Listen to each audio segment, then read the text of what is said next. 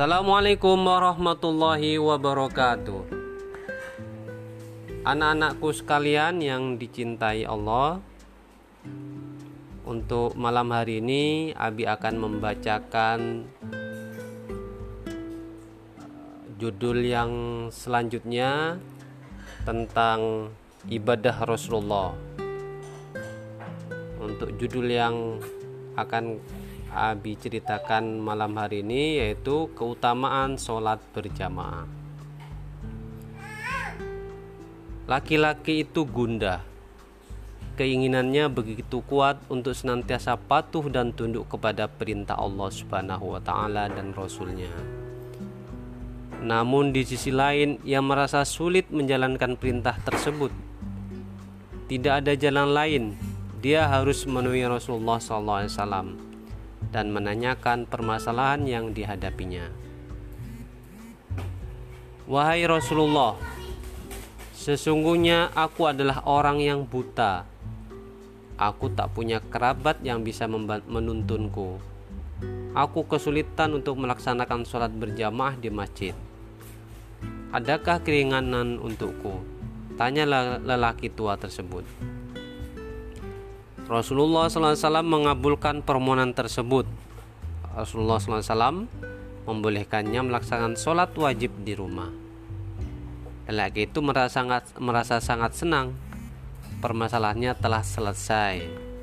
Dia mendapat keringanan melaksanakan sholat wajib di rumah, tidak berjamaah di masjid.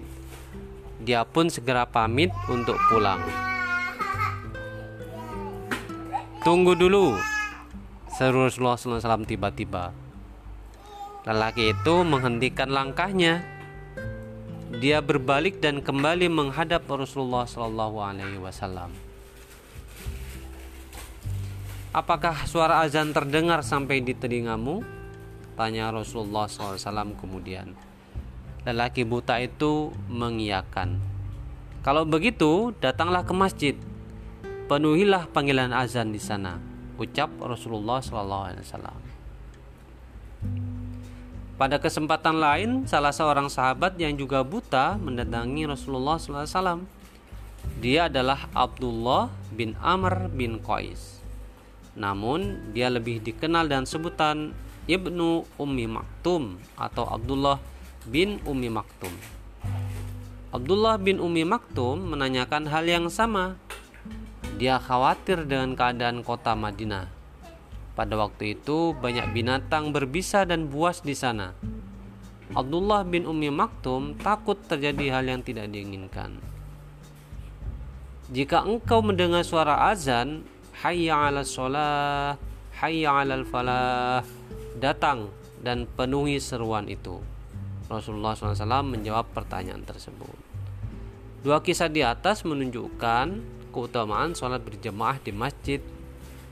Bagi laki-laki, sholat dikerjakan di masjid adalah hal yang diwajibkan. Bahkan sahabat yang buta pun tetap wajib melaksanakannya. Banyak sekali manfaat yang bisa diperoleh dengan sholat berjamaah. Salah satunya adalah pahalanya 20 derajat lebih utama dibandingkan sholat sehari sendirian. Karena utamanya Rasulullah SAW selalu melaksanakan sholat secara berjamaah. Bilal ditunjuk sebagai muazin. Sesekali Bilal digantikan oleh Abdullah bin Ummi Maktum. Muazin ialah orang yang mengumandangkan azan. Bilal dipilih karena memiliki suara yang lantang dan merdu. Ketika menjadi imam, Rasulullah SAW sebenarnya sedang mengajarkan pada sahabat tata cara sholat. Selain sholat wajib, dianjurkan juga untuk melaksanakan sholat sunnah. Sholat sunnah mempunyai banyak keutamaan. Salah satu utamanya adalah bisa untuk membangun rumah. Bagaimana bisa untuk membangun rumah? Besok akan Abi bacakan rahasia dan jawabannya. Sampai di sini dulu untuk malam hari ini. Assalamualaikum warahmatullahi wabarakatuh. Waalaikumsalam warahmatullahi wabarakatuh.